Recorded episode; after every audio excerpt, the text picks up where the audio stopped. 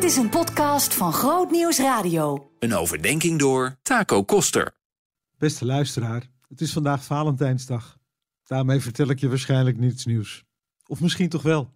En heb je vooral een schrikreactie omdat je niets geregeld hebt voor de persoon die je zou willen verrassen. Nou ja, succes dan.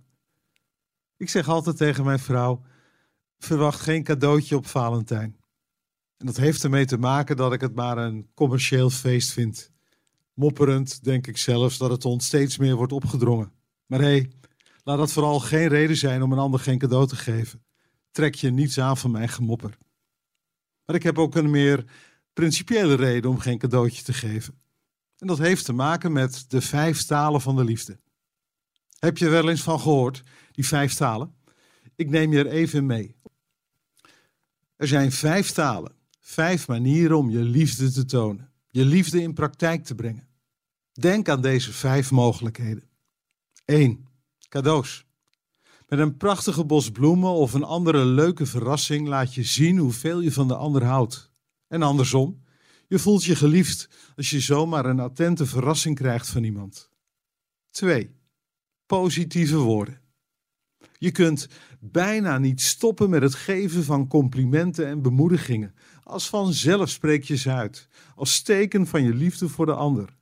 En andersom, je voelt je geliefd als iemand jou overlaat met complimenten en lieve woorden. 3. Tijd en aandacht. Je vindt het heerlijk om gewoon samen tijd door te brengen met de ander. Dat hoeft allemaal niet spectaculair te zijn. Gewoon lekker samen zijn, aandacht geven. En andersom, je wordt er blij van als iemand moeite doet om bij jou te zijn. 4. Lichamelijke aanraking. Een knuffel, een omhelzing. Het zijn voor jou stuk voor stuk manieren om je liefde aan de ander te tonen. Samen beleven jullie de liefde. En andersom, je ervaart de liefde als de ander zo dichtbij mag komen. En vijf, dienstbaar zijn. Je brengt je liefde voor de ander in praktijk door te helpen, door te klussen, door van alles te regelen. Het schoonmaken van de wc is als een liefdesverklaring. En andersom, hoe bijzonder is het als een ander dat voor jou over heeft? Vijf talen. Cadeaus, positieve woorden, tijd en aandacht, lichamelijke aanraking, dienstbaar zijn. En het bijzonder is, ieder mens heeft voorkeur voor één of twee van deze talen. En de vraag is dus, wat is de liefdestaal die jij bij voorkeur spreekt? En ook de vraag, wat is de liefdestaal die jouw partner, jouw vriend, jouw vriendin, jouw kind bij voorkeur spreekt?